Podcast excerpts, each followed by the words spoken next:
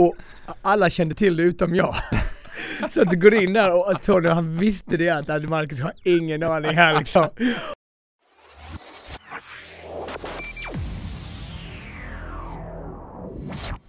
Varmt välkomna till Life at Sign, podden som tar dig med bakom kulisserna på ett av Sveriges största hotell. Vi träffar intressanta och inspirerande människor som berättar om sin relation till att bo på hotell och att resa. Delar sina hotellhack och spännande möten i långa korridorer och mellan kokande grytor. Jag heter Henrik Berghult och arbetar som hotelldirektör här på hotellet och idag ska vi träffa en av världens mest uppmärksammade matkreatörer och entreprenörer. Ursprungligen från Etiopien, men uppvuxen i Göteborg tillsammans med sina systrar Anna och Linda. En stor del av uppväxten tillbringades i Smögen, där dagarna ofta började med krabbfiske tillsammans med pappa Lennart, för att fortsätta med att mormor lärde barnen att pickla grönsaker, rulla köttbullar och koka äppelsylt. En uppväxt som stimulerade kärleken för lokal mat och dess kultur. Han var under många år en del av succén restaurang Aquavit i New York och den yngsta någonsin att få tre stjärnor av New York Times. Han vann 2010 Top Chef Master USA, har lagat State Dinner till president Barack Obama och har sedan många år tillbaka egna restaurangerna Red Rooster i London och New York, Streetbird i New York och mannen bakom den nordiska restaurangkedjan Kitchen and Table bland mycket mera. En sann inspiratör och framförallt entreprenör. Varmt välkommen Marcus Samuelsson! Henrik, tusen tack. Jag visste inte att du hade så bra radioröst. Det visste man inte. Nej, du ser. Dåliga talanger. Men, men kör du på uh, skånska när du, eller det är det, Blekinge, vad är det? Blekingska Ble är det. det är det. Väldigt skillnad på skånska men, och blekingska. Men du gömde den lite grann när du, du läste det.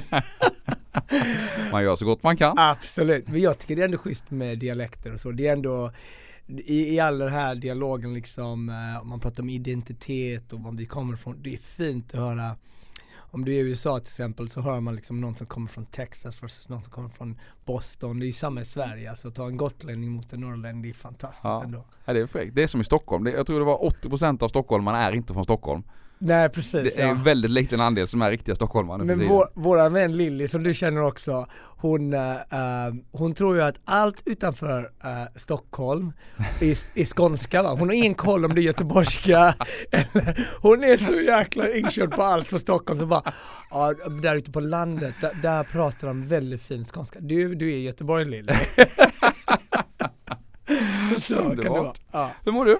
Jag mår jättebra faktiskt. Ja, vi hade en härlig dag här igår på Kitchen and Table. Det, det är kul med IT-konferensen som um, Gunhild uh, Stordalen det är hennes stora vision och event som uh, faktiskt är, den är global, folk kommer från hela världen.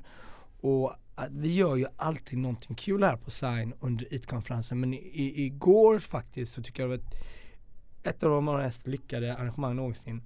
Du har dina eh, kompisar Paul här bland annat med Chef Manifesto. Precis, vi hade alltså kockar från hela världen som kom till oss hit på Clarion Sign och inspirerade men också lagade mat med våran köksmästare här Thomas och hela lobbyn var bara fullt med folk som åt snacks och gröna härliga uh, uh, rätter från hela världen och, och liksom pusha varandra. Hur kan vi få en bättre värld och hur kan vi äta bättre och, och stimulera varandra och det var en väldigt, väldigt trevlig kväll. Mm. Men Chef Manifesto som de här kockarna mm. tillhör nätverket, de jobbar emot, eh, eller med kan man mm. väl säga, FNs eh, globala mål, hållbarhetsmål. Och de leds ja. av Paul som är en kompis till dig. Precis. Och, och, och eh, det började ju faktiskt att, att den här, det började faktiskt att Paul kom till IT-konferensen och kände hur kan jag jobba ihop med, hur kan han jobba ihop med andra kockar från resten av världen. Och sen har den här, den här idén växt till Chef Manifesto.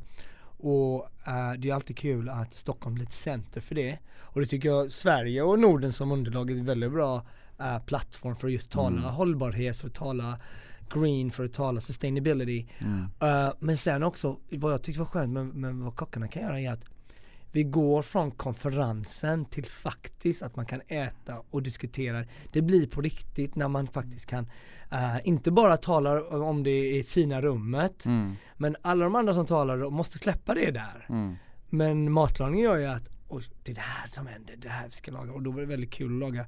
Vi stod ju för en trerättig uh, meny igår med lite grönsakstaco och, mm. och rostad kål och, och en härlig säsongsbetonad meny. Och det är kul att uh, hela gänget på Eater Social, eller hela gänget på uh, Kitchen Table kan bli inspirerade från andra kockar. Mm. Det är jättekul. Jag tittade igår när ni gick runt, när du var runt och pratade Ja. med de andra köksmästarna och med Thomas här och med Paul och hela gänget. Känner alla internationella kökschefer varandra? Det kändes nästan lite grann så igår. Mm.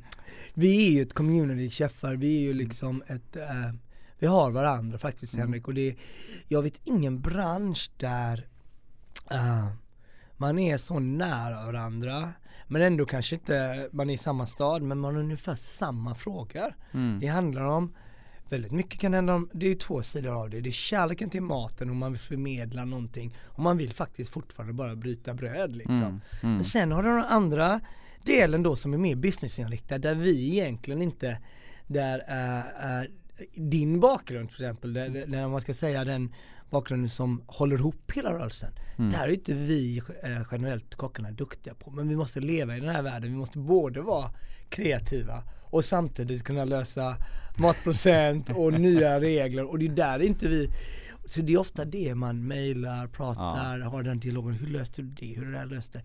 Och den här pushen eh, fram och tillbaka. Mm. Spännande. Ja, det är det faktiskt. På tal om mat och, och kulinariska inspirationskällor. eh, Du bor i New York sedan många, många år tillbaka. Ja. Eh, men du växte upp i Göteborg. Mm. Eh, och har förstått efter våra samtal genom Mm. åren att, du hade en inspirationskälla i din mormor Mm. Helga. Jag hade, jag alltså hela min familj tycker jag har fortfarande med mig väldigt, väldigt nära. Mm. Eh, men jag måste nog säga att eh, Helga, det var två grejer hon verkligen visade mig var att man kan komma från en ganska tuff bakgrund, det var Sverige var fattigt på den tiden. Eh, men kärleken i maten, eh, det spelar ingen roll hur mycket pengar och lite pengar du har utan maten kan bara bli fantastiskt god och man Mm. kan faktiskt göra det mesta. Mm. Och det har jag som kock, det är ju någonting man kan konkret ta med sig faktiskt. Okej? Ehm, hon hade inte rest så mycket men hon reste genom sin mat. Hon reste, reste kanske genom vilka kryddor hon, hon, hon tog med Mm. sig. Och, och när jag sen började resa ut i världen, jobbade i Japan, jobbade i Schweiz. Då, alltså det jag kommer ihåg är att jag är 20-21 år, jag ringer min mormor och man nästan förklarar som en som en, en fotbollsmatch minut för minut. Liksom, det här gjorde vi och det här, det här är grönsakerna och vi åt råfisk och verkligen förklara. Och då var ju på den tiden var det liksom, det var sån här, eh, det var ju, alltså det var inga mobiltelefoner. Man fick, um, ja, man ringde och det var andra telefoner och så, man hörde knappt och det var, det var long distance och här grejer. Men, men det hon ville veta mest var, hon ville liksom uppleva min resa var jag var någonstans och vilken mat och hur vi gjorde det. Hon tänkte alltid på det här. Kan man äta råfisk och, och kan man göra sådana här härligt. grejer? Så det var, det var väldigt mycket, vi stod väldigt nära varandra genom maten. Mm. Mm. Mm. Vad är ditt första matminne från mormor? Jag tror, eh, vi, vi har pratat om det ganska mycket jag, eh, jag och mina systrar faktiskt, men jag tror fortfarande ändå att när mina syskon skickade ut mig och eh, vi hade väldigt mycket grönsaker och frukt och så hemma i, i trädgården. Men de brukar alltid skicka ut mig två veckor för tidigt och dra upp rabarberna. Som var de här supersura rabarberna. Och alltid var jag lite, för jag ville gå först och, var, Ja. och då var, jag var yngst, skickade de alltid ut mig. Två veckor för tidigt på rabarberna och då är de sura. Alltså någon, Oh. gång, någon gång i kanske eh, nu nästan maj, tidig juni, två veckor för tidigt och så bara bita i det och då känner man verkligen att man lever. Wow. Mm. Eh, Göteborg, du reste världen runt, Mm. du var i Japan och du Mm. var i Schweiz Mm. och, och eh, landade till slut i USA som sagt. Eh, Ja. Oerhört framgångsrik, Mm. förmodligen en av de mest framgångsrika kökschefer Sverige någonsin har haft. Mm. Eh, sen kom du tillbaka till Skandinavien Mm. i, i, eh, i några mindre satsningar vet jag och sen så blev det den här stora lanseringen av Kitchen and Table Mm. och, och med, tillsammans med Clarion. Men vad gjorde att du ville etablera dig tillbaka i Skandinavien på något vis? Alltså Henrik, jag, jag har alltid känt att min kärlek till Skandinavien och Sverige, framförallt som jag känt till, som jag liksom växt upp i, Mm. att jag kände aldrig att man måste ge upp det ena för det andra. Jag har alltid tänkt att kunna jobba som kock betyder jobba utan gränser. Mm. Och jag växte upp väldigt mycket i min utbildning inom hotell. Alltså jag började jobba på gamla Park Avenue i Göteborg när jag var 17 år.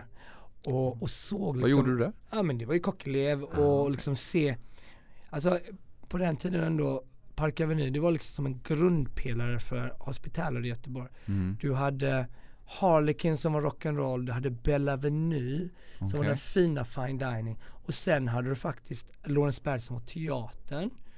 Och det satt ihop kring hotellet hela? Allting på samma Ah, ställe. okej. Du, du har en teater, du har en, liksom en rock'n'roll-bar, Ja. du har en, en, en magisk fine dining och sen har du parkbaren on top of that.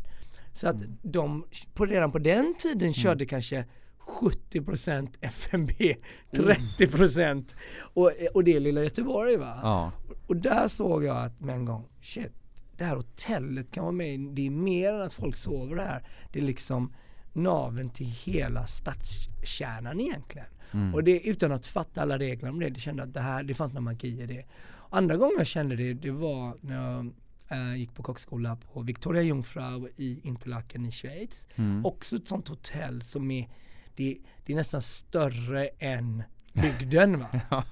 Och, och det Ja. var också någonting att vi jobbade där och där fick man liksom med och och om Ferrari hade en lansering då gjorde vi maten till det. Om Margaret Thatcher kom till Schweiz då fick vi Wow. vara med på det här. Och så man, Ja. man fick se så mycket av den stora världen från det här hotellet. Och det är den magin ett hotell faktiskt kan vara med och skapa. Mm. Ja, Jag älskar, du som du vet, jag är uppvuxen Mm. på hotell och det är klart Ja. hotell det har ju en magisk puls. Det är en verksamhet som lever dygnet runt. Det är nästan som ett eget samhälle i sig. Ja. Och just den här pulsen är ju något som är oerhört attraktivt att, att jobba i. Mm. Eh, en helt fantastisk miljö. Och hur, hur eh, när du växte upp i hotellet så här eh, det var din pappa som startade eller vem var det? Det var ju hans föräldrar som startade eller? Nej, det var faktiskt eh, min farfar hade Mm. en byggnadsfirma från början. Ja. Och eh, fick i uppdrag att bygga ett hotell eh, Mm. nere på blekingska kusten. Och när företaget, eh, eller hotellet var byggt eh, så gick företaget som hade beställt hotellet i konkurs. Mm. Och kvar stod min farfar med sin byggnadsfirma som största fordringsägare. Shit. Eh, och han tänkte det här löser sig. Det här säljer ju Kronofogden på exekutiv auktion och sen så får han sina pengar och han kan betala sina Ja. underleverantörer. Sen är man hemma. Ja, då är det löst. Eh, men det var ingen som ville köpa hotellet. Eh, så att min farfar hade inget val. Han var tvungen att själv köpa hotellet av Kronofogden. Och driva det och va? försöka driva det och sen var ambitionen att försöka sälja det när man har fått upp det i någon form av liksom omsättning. Eh, Men han älskade det där livet han älskade Ja. att laga mat och han stod ofta liksom i köket så att han lämnade faktiskt byggfirman och satsade fullt ut på hotellet Magisk. och sen tog min pappa över det och så vidare. Så att eh, jag är uppvuxen i, på hotell. Jag har aldrig gått på dagis. Jag har ju Nej. växt upp i köket bland Just kockarna och stoppat in kilar i dörrarna. Det var ju på den Ja. tiden man hade sådana här svängdörrar man kickade upp. Mm. Och var man 5-6 år kunde sätta en kil i en svängdörr. Det Just tyckte det. man ju var toppen. Och vad hette det hotellet? Hotell Hanehus som Och- ligger i Blekinge. Och finns det kvar fortfarande? Ja det finns faktiskt Det kvar det. fortfarande som sommarhotell idag. Ja, Ja. Sure. Sen har det varit lite olika konstellationer. Det har varit utbildningsanläggning för, för eh, AMU-gruppen i Ja. Sverige. Det var flyktingförläggning en period Ja. och så nu är det återigen sommarhotell. Så att, Ja. eh, nej, det är jätteroligt. Vi har sommarställe bara 100 meter därifrån så att Men- det är det ganska ofta. När du går förbi för att vi eh, på min farmor och farfars sida så drev de, det var före min tid, de drev, drev ett pensionat på Ja. Smögen. Där finns, det var egentligen där fiskarna sov och, så- och så, så här. Eh, men den byggnaden, varje gång vi får gå förbi där så känner man ändå någonting att det, vår, det, min familj har en förankring till det huset. Det är inte vårt hus idag eller något sätt. Alltså, Nej. det, är- det här är 50 år sedan liksom. Men man känner någonting och jag tar med min son där och pekar, han fattar ingenting. Liksom. Men, men, men känner, vad känner du när du går förbi det huset? Då Finns det, eller är du helt släppt det? Eller? Nej jag känner precis som du. Ja. Och som sagt vårt sommarställe är 100 meter Ja. från hotellet. Så att jag och min son, han är fyra år, vi Ja. går ju ner där på stranden Ja. och leker och vi badar, vi tittar upp och jag tittar in och där var när jag var liten. Just och så det. minns man tillbaka från när man växte upp och allt det där. Och vi hade en galen kioskägare som hette Björn Tofte som Ja. hade hand om kiosken. Han var egentligen eh, nattklubbschef här i Stockholm på Alexandra. Och när han hade stories. Och sommartid var han nere och drev kiosken och var DJ och bara sådana historier kommer man ihåg från när man var liten. Du, eh, han borde du in på podden för om man har varit ja, nattklubbschef på Alexandra, då har man stories på det härliga 80-talet. Ja, sen hade han en kompis som hette William Freestyle, så det var Björn Tofte och William Freestyle. Och William Freestyle som har världens bästa namn, eh, var också vän med Björn Borg och de har historier Ja, tillsammans. det kan du lova. Ja, härligt. Eh, du och jag lärde ju känna varandra för många, många år sedan Mm. egentligen genom samarbetet med. Karen och Kitchen and Table. Eh, vad tycker du har varit den största utmaningen med att Mm. etablera en restaurangkedja i Skandinavien medan du själv är i New York? Mm, jag, jag tycker så här, jag tycker först och främst en grej som är magiskt med Klädion-familjen faktiskt är att um, Katalin, Petter och Torgej och de människorna som är kärnan har faktiskt inte släppt den här familjekänslan. Någonstans. Alltså det, det, vi pratar om miljard, flera miljardföretag va. Men idén den här att Petter startade ett hotell på Söder en dag och sen så startade det här på Sign. Den idén om att skapa glädje i vardagen. Mm. Den finns kvar. Och, och den, den pushen pullen mellan, man, mellan, mellan att vara en manager versus entreprenörskapet. Den har vi alltid fram och tillbaka och det, det är som en dragkamp, push Mm. pull, push pull. Och det tycker jag är jäkligt kul. Mm. För någonstans, man behöver båda i processen. Och där tycker jag att eh, Kat- eh, Katalin för mig som har varit stor mentor och, för oss båda eh, och alltid tagit risker och chanser. Och hon chansade och jobbade med mig för fem, cirka 15 år sedan nu. Och jag tycker det har varit en fantastisk resa. Så jag ser det väldigt mycket från det fönstret att jag kommer ihåg när Katalin kom till New York första gången och sa nu gör vi det här. Och, och, och, och det, det handlar ju om en ganska stor resa. Det handlar om att skapa independent restauranger så att vi inom hotellramarna. Mm. Så att vi inte blir en hotellrestaurang. Och den här magin med att tillsammans kan vi ju behöva varandra. Men vi kan skapa upplevelser. Och idag, om man tittar på hotellupplevelserna. Det kunden kommer komma ihåg är väldigt ofta vad som händer i restauranglokalerna. Mm. Så någonstans hade vi rätt idén att skapa magiska lokaler, magiska restauranger i hotellvärlden. Och det är ju en idé som man aldrig får sluta med. Det, finns, in- det är inte ett busshållplats som man har kommit fram till så går vi av. Utan det är ju en evighet som man hela tiden måste putsa. Och det tror jag att för att göra det så måste man verkligen älska folk och älska Mm. det man gör. För att annars så blir det, annars blir det för jobbigt, Mm. annars blir det för mycket. Så gör man inte det, tycker man inte de här grejerna är kul, Mm. då tror jag det är jobbigt att jobba inom, inom våran bransch. Och det finns ju många delar av branschen som man som kanske inte alltid tycker är så roligt. Men det är ändå en del i det vi gör. För vi försöker hela tiden skapa en magisk plattform. Och det är ju därför när vi inte gör det det är då vi, blir, det är då vi ryker, upp, uh, ryker ihop. Men jag tycker det är tack och lov så har vi eh, allt våran kärlekstjafs mellan varandra. För ett, så länge man tjatar på varandra så pratar man. Nummer två, vi vill bli bättre. Ja. Och den dagen de mötena är över och det blir bara mail eh, och, och text till Mm. varandra, då är det slut. Mm.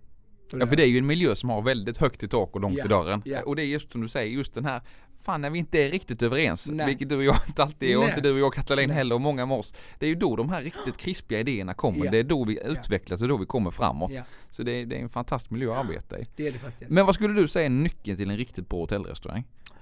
Först och främst att det inte är en hotellrestaurang. Mm. Att det är en restaurang som du nämner för um, maten Mm. och upplevelserna. Och sen, och, och by the way, det är ett magiskt hotell där också. Ja. Så att, och, och båda sidorna ska ha det mot varandra, känna så Mm. att hotellet ska känna vi är ett independent hotell, vi behöver inte den här restaurangen. Och restaurangen varje dag ska känna så att vi är en independent restaurang. Det finns en magisk film, eh, Big, eh, Big, eh, Big Nights, där restaurangägaren står och tittar.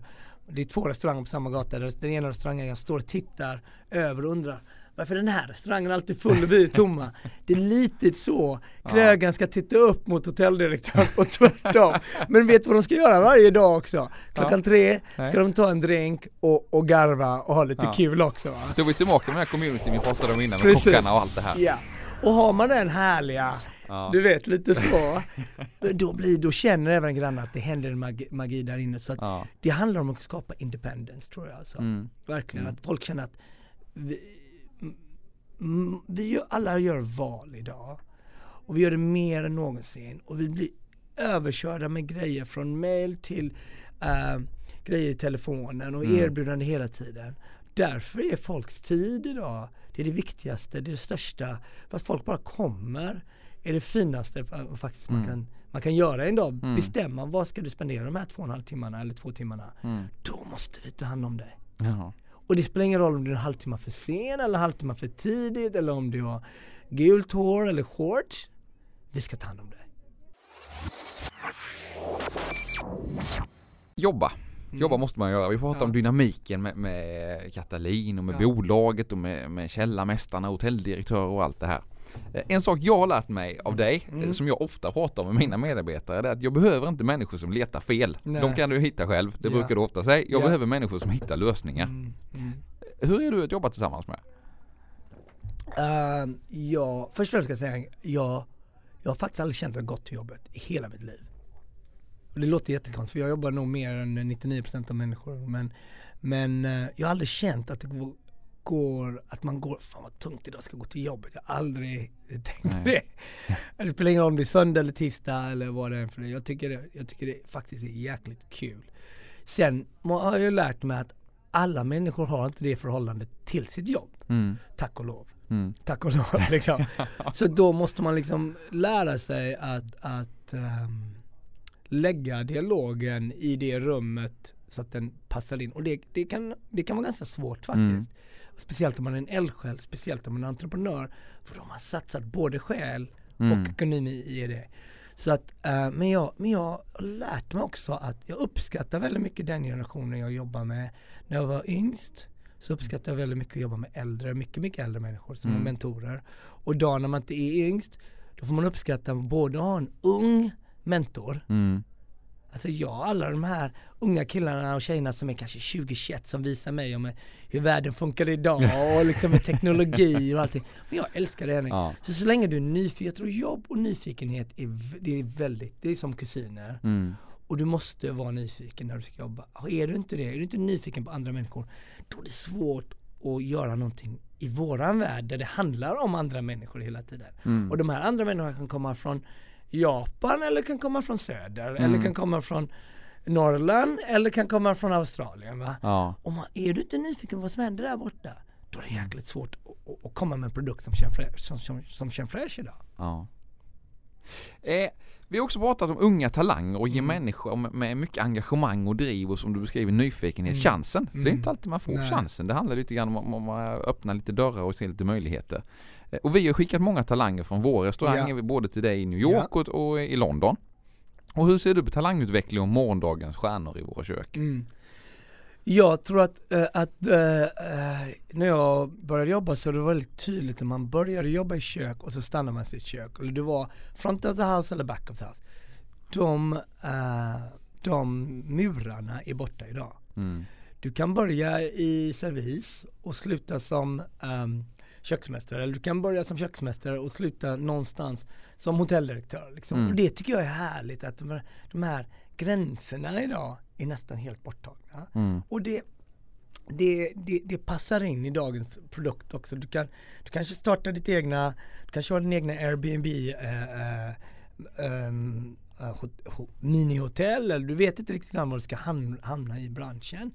Så jag tror, men du behöver ändå den här processen att du behöver en mentor som hjälper dig i början. Mm. Jag hade väldigt, väldigt många fina mentorer i Göteborg innan jag började jobba och som gav mig chansen att komma ut. Jag fick åka till Schweiz, jag fick åka till Japan, jag fick åka till eh, Frankrike och det var inte eh, så att jag kände till de här ställena. Okej. Det var en, eh, en eldsjäl här i Sverige som har hjälpt väldigt, väldigt många människor, många kockar. Sven-Gunnar Svensson, han gick bort för 7-8 år sedan. Okej. Han skickade mig till Frankrike, till trestjärnig Michelin. Mhm. Vilket han har gjort med hundratals kockar från Sverige. Fått, Ja. fått chansen att få göra det här.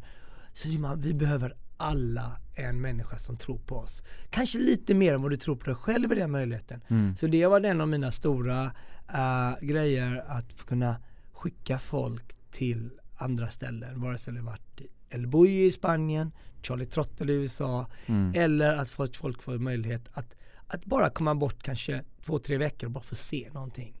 Uh, för det är ju det som är så fint med våran bransch.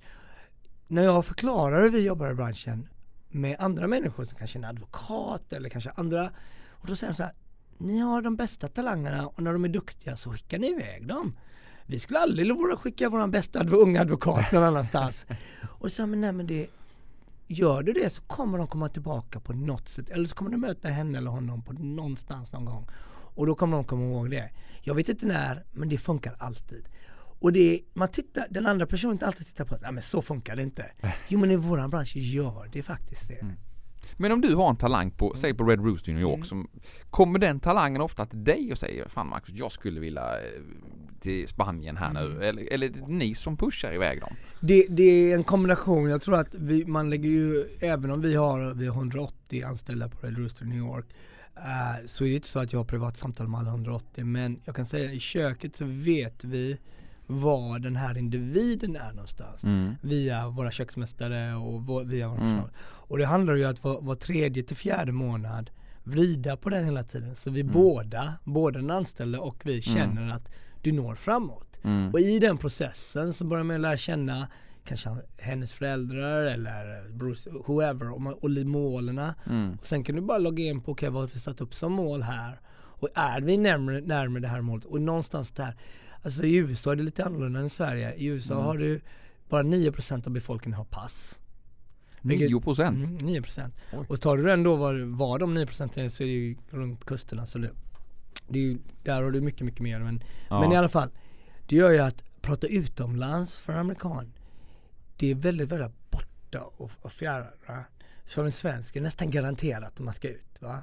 Och testa någonting. Vare sig man reser med familj eller man reser med vänner eller kanske reser med jobb. Mm. Så det gör ju ofta att när du pratar med amerikansk så brukar man nästan ofta prata med att "Ja, men, ehm, du kanske ska åka till Europa. Och det är lika långt som för någon som från, från Norrland som ska åka, åka till Japan. Liksom, I huvudet, i ment- Ja. mentaliteten. Så att i, I Sverige när du, när du har en ung menti, någon du jobbar med, så känns det att resa utomlands. Det hände faktiskt redan igår kväll. Vi två, hade två elever här igår. Mm. Och det första de kom fram till mig sa, vi elever här, vi går i tvåan, när vi är färdiga i trean så vi vill åka till New York. Så, och jag tycker det är så fint Ja. rätt upp. Så att man börjar på två helt olika eh, startpunkter. Ja. Är det självklart om att man inom restaurang eller internationella köksvärlden att man tar emot praktikanter? Kan du ringa till vilken restaurang som helst i Frankrike och säga att nu har jag två killar här från Red Rooster som vill komma till Frankrike. Eh, Tar man emot dem med öppna armar eller hur funkar den, det utbytet, den dialogen? Eh, Eller tvärtom? reglerna har ändrats, Mm. men i principen ja. Mm. Och det tycker jag också så här är Wow, det är så Det är härligt. fantastiskt. Och det, för, det- för det finns ju vissa principer Mm. fortfarande kvar. Det spelar ingen roll vare sig vi, man faxar, ringer eller mailar de här grejerna. Det finns, och vi är ändå inom hospitality. Mm. Och den är större än vad, vad regelverket säger liksom. Ja. Och det tycker jag är magiskt. Men kräver det en personlig relation eller dörren kan öppnas i alla Det, fall? det absolut krävs det en, en, en personlig relation. Och eh, väldigt ofta att du får varit där. Att Mm. eller personen har, du har blivit du är väl omhändertagen eller du känner någon. Jag har en magisk eh, köksmästare i New York som jag som är en av mina mentorer, Daniel Boulou. Eh, han har öppnat många dörrar för mig i Frankrike Mm. ehm, som ehm, har hjälpt mig väldigt mycket. Och, men idag har det ju vänt på sig också. Skandinavien är väldigt attraktivt att komma till Ja. för en amerikan idag. Det var det inte alltid i, inom vår bransch. Och det har hjälpt naturligtvis med att vi har en trestjärnig Michelin-restaurang i Stockholm, att vi har Noma i Köpenhamn till exempel. Det har gjort att folk vill komma till oss på ett helt annat sätt. Ja. Och det gör ju att när du väl pratar om Skandinavien och Sverige idag, när du är ute och reser, då får man en helt annan, man får upp ögonen på sig med en gång. Mm. Och så var det inte alltid. Det här med relationer och, och mentorer. Jag vet ju att du hade en väldigt nära relation till Anthony Bourdain som är en av världens Ja. absolut bästa köksmästare som gick bort Mm. här för ett tag sedan. Ja. Eh, han skrev Kitchen Confidential. Mm. Det var den första boken jag läste som Mm. var restauranginspirerad och jag vet att du inspirerat Ja. lite grann när du skrev Yes. Chef. Eh, hur korsades era vägar? T- det, Tony och jag, um, först och främst var det nästan inom en vecka på dagen han, han gick bort. Han gick bort eh, i början av juni förra året. Mm. Ehm, och um, en väldigt, väldigt fin person. Magisk eh, storyteller faktiskt. Mm. Och det tog lång tid för både min fru och mig att komma över det här. Jag tror aldrig riktigt när någon går bort så, så att man kommer över det riktigt. Men, Nej. men eh, vi, vi träffades i New York och eh, vad jag alltid gillade med Tony var att eh, han, han har levt så många liv i så många olika situationer. Så han, han brydde sig liksom inte vad som var politiskt korrekt eller vem man skulle sitta och snacka med eller vem man skulle Utan han, han levde exakt sitt liv liksom Mm. på ett helt okompromissat sätt. Eh, och det det uppskattar en stad som New York på ett sätt. Så, och, och, han var väldigt transparent med, mm. med sina bekymmer eller sin mörka sida kanske. Mm. Som inte alltid är så uh, är kul om man vill visa upp. Men, men Tony pratar om den. Ja. Um, och um, vi träffades på slutet av 90-talet och med många gemensamma kockvänner.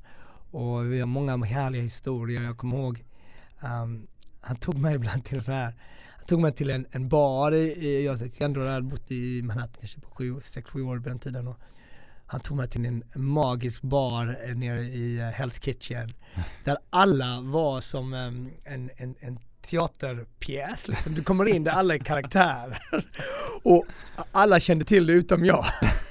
Så att du går in där och Tony han visste det att Marcus har ingen aning här liksom. Och gud vad de garvade åt mig. Och jag bara, det, man, man, kunde göra såna här grejer liksom, bara knuffa in dig i, i obekväma situationer. Ja. Nästan få testa det hela tiden. Och, och, och, det tycker jag, det, det fanns en så härlig eh, ironi, alltså, vi hade väldigt mycket kul. Och en grej är faktiskt, vi planerade att göra eh, ett stort um, vi åkte till Etiopien tillsammans, gjorde, no passport, eller gjorde program, eh, vi gjorde hans program i Etiopien och det var jätte, jättekul. Men när vi var i huvudstaden Addis tyckte mm. han det var kul, men när vi kom bort från Addis och var ute på landet, mm. Där var mitt minst pretentiösa delen av landet, där var han bekvämast. Ja. Det såg man, han ville bara stanna bilen, ut, gick och vandra, tog en bärs, rökte en eh, cigarett, bara satt, tittade rätt ut. Och folk kom ju upp, han är lång, han är blond i Etiopien och då folk kom upp. Ja. Och där såg jag bara en helt annan Tony. Han var inte stressad. Han åt med händerna, han åt exakt vad vi fick. Det var inga så att jag kan inte äta det här, jag kan inte äta det här. Så det, det, det är mina min, minnen av Tony. De, de är, mm. det, är, det är väldigt tragiskt. Men han gav oss, han tog med oss genom hans program in till, han visade upp en del av världen som man kanske aldrig har fått sett sett den och det är jag väldigt, väldigt tacksam för. Mm. Ja. för att läsa, läst boken och se mm. det från utsidan så känns det verkligen som att han var den som öppnade upp liksom den riktigt ärliga köksvärlden. Ja. Eh, inte i New York utan för hela världen. Ja. Han öppnade upp och lät folk titta in och känna och klämma. Hur funkar det egentligen på riktigt? Ja. Det Absolut. är helt fantastiskt. Ja. Vad har du lärt dig från, för dig från Tony framförallt om du skulle plocka ut en sak som du tar med dig från honom? Um, jag skulle säga att um, Tony har, har, hade en magi med att kunna åka från källaren upp till penthouset. Han kände varenda person. Han skulle känna diskaren och han mm. kände chefen. Och han behandlade dem absolut på samma sätt. Mm. Uh, vad vi än gjorde när vi var i Los Angeles och jobbade tillsammans, vi gjorde tv-program tillsammans mycket, så då var vi liksom en månad tillsammans. Ja. Och det spelar ingen roll om det var hon som lämnade städa hans rum eller tvätten eller chefen för hela verksamheten. Tony har exakt samma. Och det ska man vara och det kan man alla äh, säga till mig, men vi är inte det. Men Tony var det. Och det var äh, en, det är en väldigt, väldigt, det fanns magi. Och jag, jag kan, sista jag kan säga om Tony är att efter hans begravning så jag säger att han, han skrattar, han tittar ner och skrattar på oss. Han hade den här middagen, hade han i Chinatown mm. på ett speciellt ställe där det finns tre karaokebarer på samma ställe. Och hissen öppnas rätt upp i, i rummet. Så alla de här fulla människorna som skulle gå till karaokebaren kom in till det här dystra momentet där folk har tal var, var, var tionde minut. Um, och han tog med sig på det här, um, på den här begravningen och just på den här middagen som ändå inte för, för alla människor. Men de som talade kom från alla aspekter från hans liv. Det spelar ingen roll när han var, hade bekymmer med tunga droger eller kockar eller tv-executives. Människor som kanske inte alltid är i samma rum. Alla de människorna var i det här rummet och berättade om Tony från, sitt, från vissa delar av, från de perioderna man var med Tony. Wow. Och jag bara tänkte där, titta, han, han, han visade oss verkligen att um, ja, så, här, så här såg mitt liv ut. Det var operfekt, men det var mycket själ och mycket kärlek. Och det var en jäkligt fin läxa eh, som jag tänker på väldigt mycket. Vi ska gå vidare och prata om hotell. Eh, du och jag möttes ju i Shoreditch i London för snart, Ja. det är snart ganska exakt ett år sedan. Ja. Eh, öppnade upp Red Rooster på The Curtain Hotel. Ja. Fantastisk location. Ja. Och vilket ställe. Och takterrasser och klubben i källaren och nej, hur läckert som helst. Har du haft en plan att etablera dina restauranger på hotell? Eh, för det har blivit mycket hotell för din del nu Det, sista tiden. Jag tycker ju att det finns en, en här, jag tycker en hotell som en eh, samarbetspartner tycker jag passar oss väldigt, väldigt bra. Och det är inte alla som kanske som tycker det, men jag tycker så. Jag, tycker Mm. det, jag har fortfarande kvar de här minnena att de verkligen formade mitt liv när jag jobbade i Schweiz och jobbade Mm. Eh, och, och, och sen så tycker jag det finns så mycket på ett hotell som om man vänder den kunden och, och, och skapar att nej men du kan stanna här istället. Mm. Och då, då finns det, så det finns någonting magiskt med hotell. Och riktigt stora tunga hotell är nästan kärnan av en stad också. Mm. Eh, inte i alla städer och idag när det var så många hotell så här, eh, kanske inte på samma sätt men, men till exempel, eh, vi pratar ofta om posthotellet i Göteborg. Mm. Ehm, att vi har ett hotell och vi har en restaurang på samma ställe där min mormor betalade sina räkningar. alltså det är helt, det gör ändå att jag känner mig förknippad till en stad som Mm. jag inte bor i längre. Och det finns en magi i det. Och sen vet jag också som göteborgare att den plattformen var tom i 20 år. Mm. Och idag lever den mötesplatsen upp på ett helt annat sätt. Och det är faktiskt, inte bara för hotellet, men en väldigt stor del av de fantastiska människorna, men också versionen som både Katalin och Petter hade faktiskt. Mm. Så det tar den här galna idén ibland. Jag kommer ihåg när vi skulle öppna här, Norra Bantorget, folk sa oss, absolut inte. Och då när du tittar ut den här parken och, och du ser om området så är det en av de mest naturliga plattformarna att mötas i hela centrala Stockholm. Och det var det inte alltid så. En, en, en kommersiell verksamhet kan också bli en mötesplats. Det är ett ställe där unga människor kan få sitt första jobb.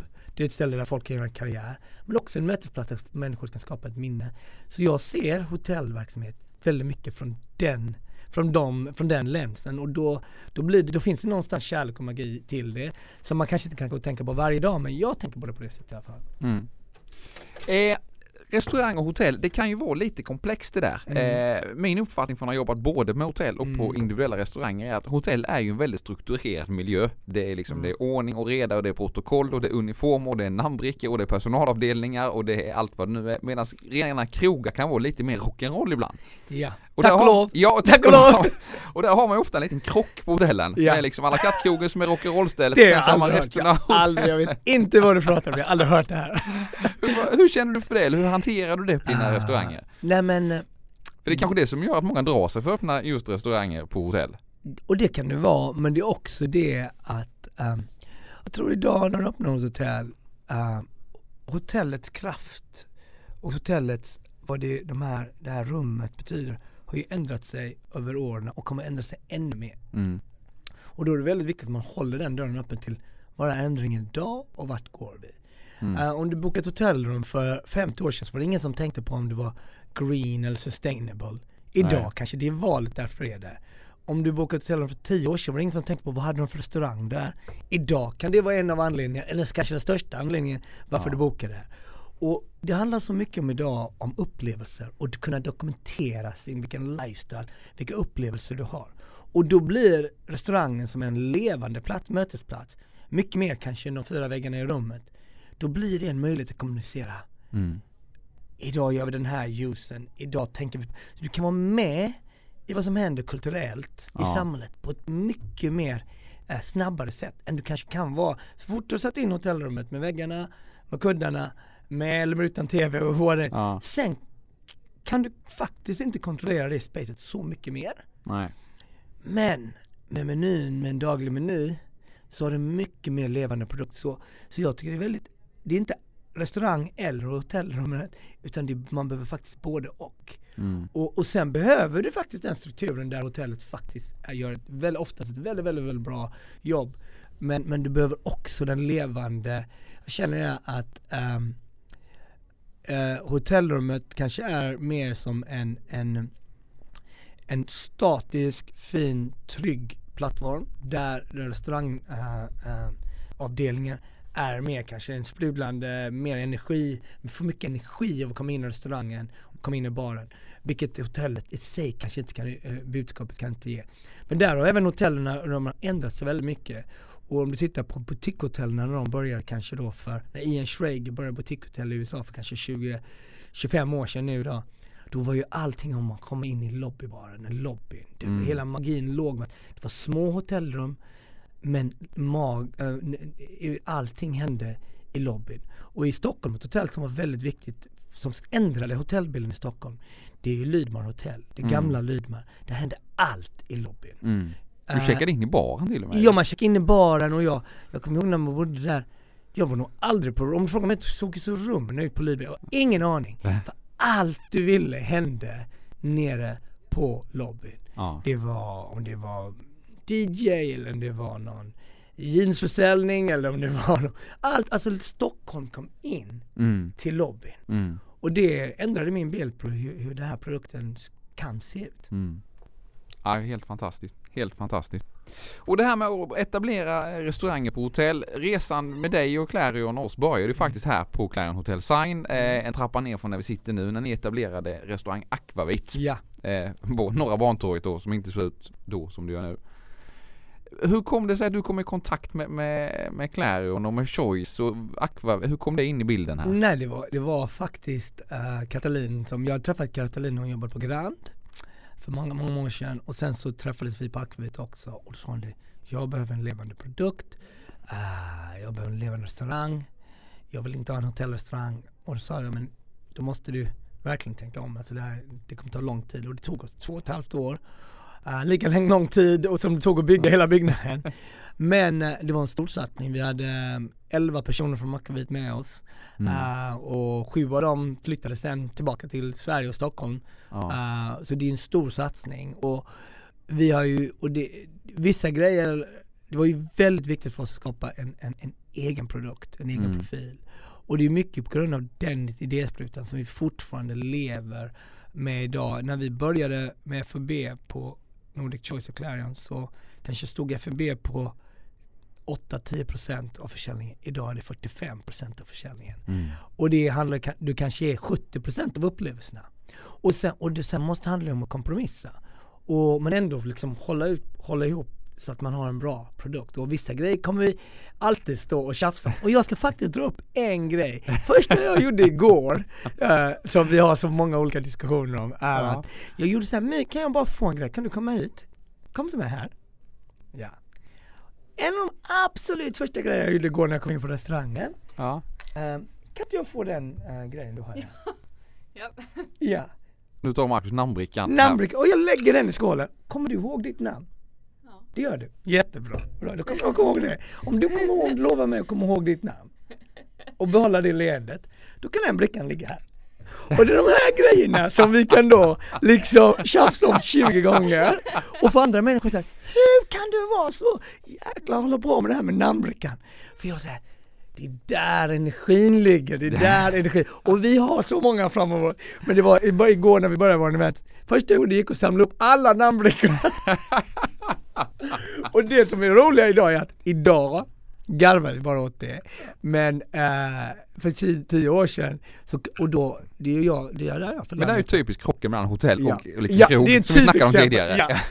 Och det, men det tycker jag är skönt att vi kan ha dem. Så jag hoppas ändå att jag får dig av någon gång. En stor jävla namnbricka. Som det står Marcus på. Karlskrona det. Precis. Ja, ja, underbart. Eh, du har ju också eh, restaurang på ett hotell på Bahamas av alla ställen.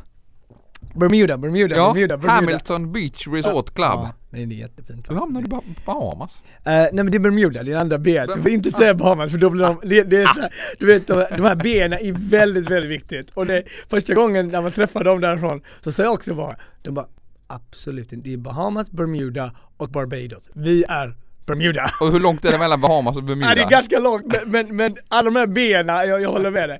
Men i alla fall, nej men det är en, det är en, uh, det är en jätte, jätte, jättefin um, det är ett fint hotell, vi har våra egna privata beach och vet vem som ska komma dit? Prata om, om, om samarbete. Mm. Nu ska Dosa dit till hösten från, från Clarion Post. Ja, och göra ett, borgmästaren. ja, och Mm. göra ett gästspel. Ja.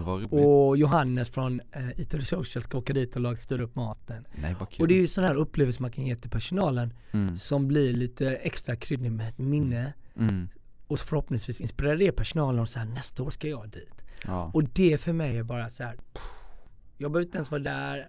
Jag har jag har satt upp ramverket, känner bara nu ska de få uppleva det här. Och det, det, det är ett magiskt ställe. Det är verkligen, vi, vi ligger precis vid vattnet och det är faktiskt ganska mycket svenskar där för det är Amerikas Cup och Ja, segling är just väldigt, det. väldigt stort. Och med Volvo Finalen Ocean gick väl där för två år Det sedan? gick eller där precis år- ja. Och Volvo Ocean Race Mm. är, är en stor grej så att då är det ofta en, en, en, ja, en del av ön eh, tas över av seglare på ett, på ett sätt och de stannar i flera år. Alltså Okej. bygger upp där med båten och det är nästan som Formel 1 om man Ja. säger så liksom. Och det har varit väldigt många svenskar. Så det har varit kul, det var jättefint och eh, speciellt under sommaren när det kanske blir lite för varmt i New York då är det många som åker till Bermuda för att det, det är alltid 10 grader 10 grader varmare på vintern och 10 grader kallare på sommaren. Ah. Så du har en sån härlig 23-24 grader jämt liksom. Ja, ja, Så det är ja. ganska schysst. Härligt. Mm.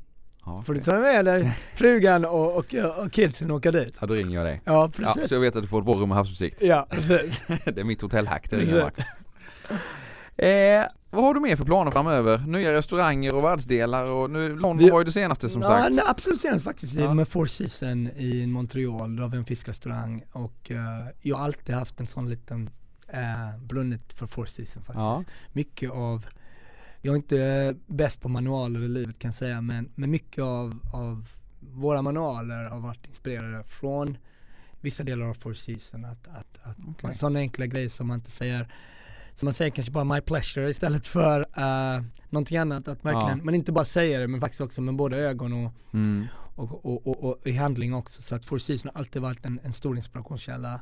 Uh, och det är, det är en fiskrestaurang i Kanada, i franska Kanada. Är väldigt, Wow. väldigt kul. Ja. Talar du franska? Inte tillräckligt bra längre. Jag, jag, jag bodde ju i Frankrike i två år så jag borde Ja. göra det lite bättre men um, uh, ja, det känns jättekul. Gud vad spännande. Ja. Jätte och kul på ytterligare hotellkedja att jobba med. Ja, och det ännu roligare är att mitt lag kommer tillbaka denna veckan för nu har de varit där i fyra månader. Wow! Tritoy Kraft och folk. Och de kommer tillbaka, en del kommer tillbaka nu i helgen. Vi hade, Formel 1 var ju där nu. Okej. Den veckan.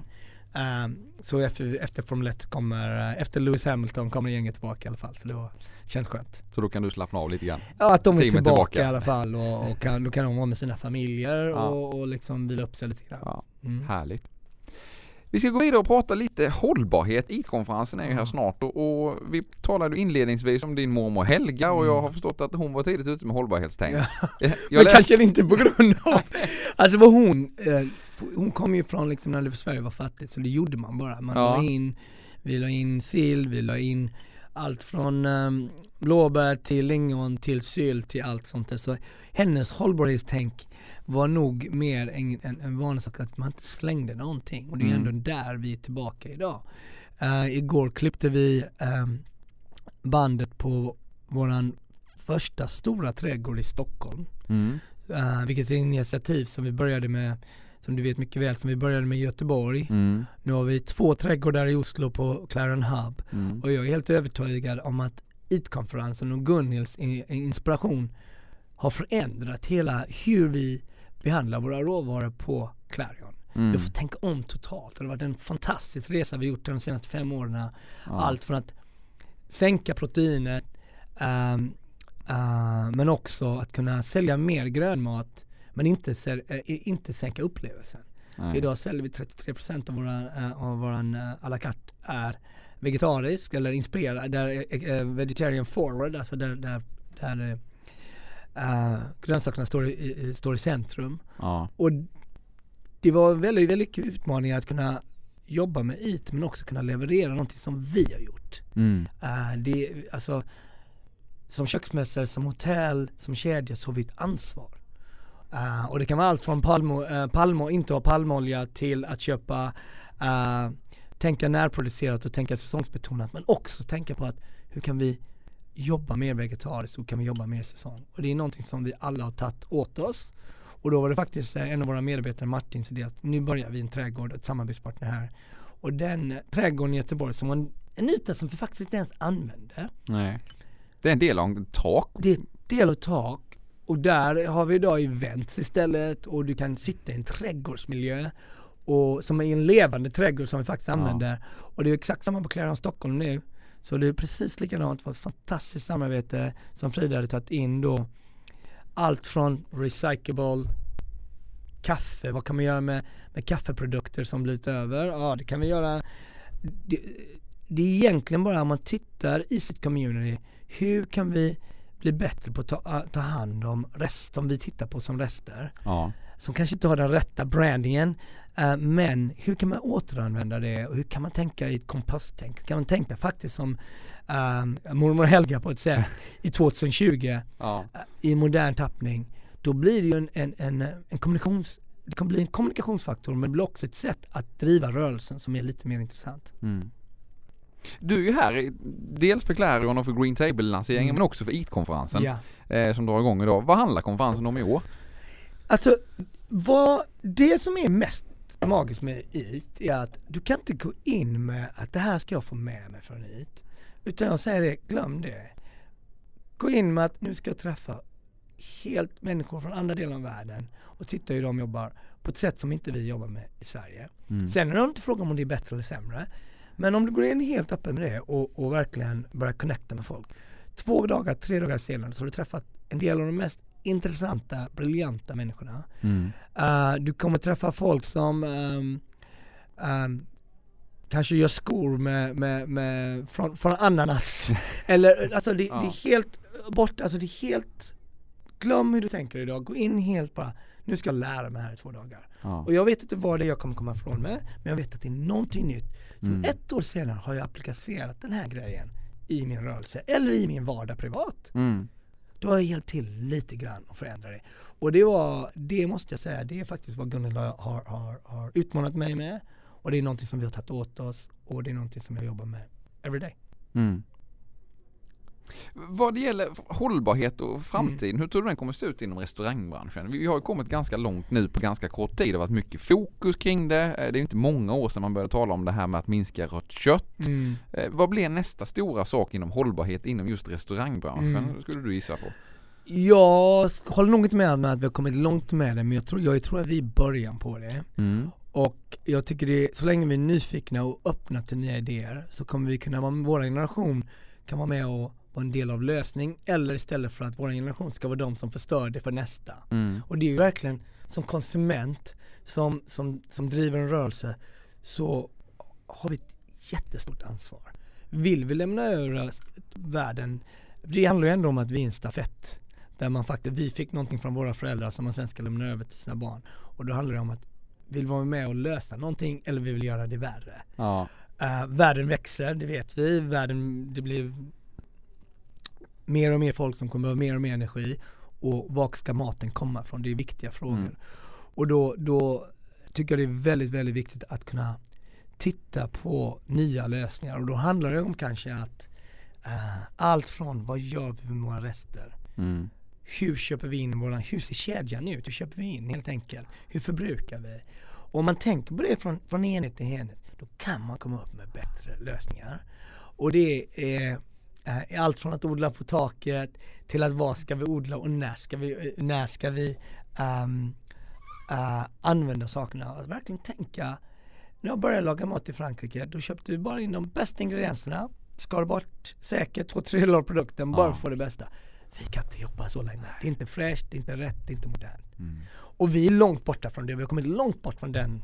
Men min upplevelse är att Skandinavien, i alla fall Sverige primärt, har det väldigt högt på agendan. Är Mm. din uppfattning att det är lika högt på agendan på den amerikanska marknaden och i media och diskuteras lika mycket eller det är... Uh, du, jag tror man kan jämföra USA mot Europa och det är svårt att jämföra USA mot Sverige. Mm. För det är en mycket större plattform. Men absolut är det längre fram i den svenska, ehm, eh, inte bara på restaurangerna utan man, hur man tänker på städerna. Alltså det Mm. är mer folk som cyklar, man tar tåg. Om tar det från eh, JFK in till stan i New York. Ja. Så jag hoppade en Uber eller en taxi. Mm. Tar du det från Arlanda in till Stockholm så är det naturligt att man tar tåget till exempel. Mm. Kommer du sen väl in till Stockholm är det naturligt väldigt ofta att antingen går man eller kanske man en del cyklar in till stan och så. Ja. Eh, det är de grejerna där storstäderna i USA tittar ju väldigt mycket på Mm. Köpenhamn, Stockholm, Amsterdam för att Mm. kunna lösa de urbana äh, plattformen på det sättet. Och det tycker jag är, jätte, Mm. jätte, jätteviktigt. Sen är det ju väldigt mycket från tekniska som kommer från USA. Om du tittar på Beyond Burger, Mm. Impossible Burger som nu går in på äh, stora enheter som McDonalds och Burger King. Och det kan man ju tänka, varför det är viktigt för mig? Jag vet, men det är jätteviktigt för så mycket mat som de producerar. Så jag, jag, jag Men hur är dialogen kring rött kött? För man ser ju ändå en liten fördomsfull bi- bild av amerikanerna. Mm. Det är barbecue, det är hamburgare och det är rött kött är en viktig del av deras matkultur. Och det är en stor del av USA som är så. Men sen Mm. är det också, vad kommer från USA också? Farm to table, California. Ja. Alltså det är så, så stort. Mm. Uh, uh, så men absolut, det finns vissa delar där du skulle komma in med en, en avokado eller en sallad. Uh, uh, skulle inte vara populärt. Men, men jag, ska, jag, jag ska ta ett konkret exempel. Hur tänker vi på Kitchen Table? Hur tänker vi på Eatery Social? Vad kan vi göra? Igår så klippte vi då bandet för våran härliga trädgård på Clarence Stockholm. Mm. Där har vi ju Eatery Social, en fantastisk eh, eh, latinsk inspirerad restaurang. Och där har vi ju då jobbat väldigt mycket med avokado i vår guacamole och vi köper väldigt mycket avokado. Och då kom det att vi måste kunna göra någonting bättre som känns mer närproducerat. Då har vi alltså börjat göra vår guacamole som vi kallar ma- mockamole. På Mockamole. Mockamole på gröna ärtor istället. Och det ändrar ju bara där till exempel. Och cilantron, koriander som vi använder, Ja. den växer vi själva nu. Och Okej. den mängden av avokado som vi köpte in innan Mm. mot de, ehm, de svenska ärtorna istället. Mot att vi tar in vår egen koriander som växer, äh, växer på taket. Ja. Ändrar, om man gör 20 sådana beslut, Ja. det ändrar hela bilden. Så att vi kanske köpte avokado som täckte, för på ett år säkert täckte halva den här, hela den här våningen liksom. Så mycket Ja. avokado. Som kom, kom från antingen Kalifornien eller Mexiko. Ja. Nu vänder vi det mot svenska närproducerade ärtor Mm. med samma smak. Samma pris. Får du samma smak som guacamole ungefär? Du kan få en bättre smak till och med. Det är så? Och, och det är där kocken kommer in, att det är upp till oss och då fixar det. Istället för att säga det går inte. Skulle jag då säga, och det är där jag menar, där har ju då hotell- hotelldirektören, restaurangchefen, FEB, eh, Johannes, köksmästaren, där är ju den dialog som driver det. Och har du inte den macamole dialogen och, du, och du kan applicera egentligen på vad som helst. Säger man då istället absolut inte, det gör jag inte. Då kan du faktiskt inte vara med och jobba med oss. Det Nej. funkar inte. Du måste göra ett val. Ja, och du måste känna dig öppen att det finns, jag är med på en resa här, det handlar Ja. om samarbete och vi tar den konfliktkonferensen, den, den landar inte där. Nej. Utan vi måste ta in oss den. Och vad kan vi göra? Gör vi inte det, då är vi inte en bra, då, vi, då, då passar vi inte ihop. Liksom.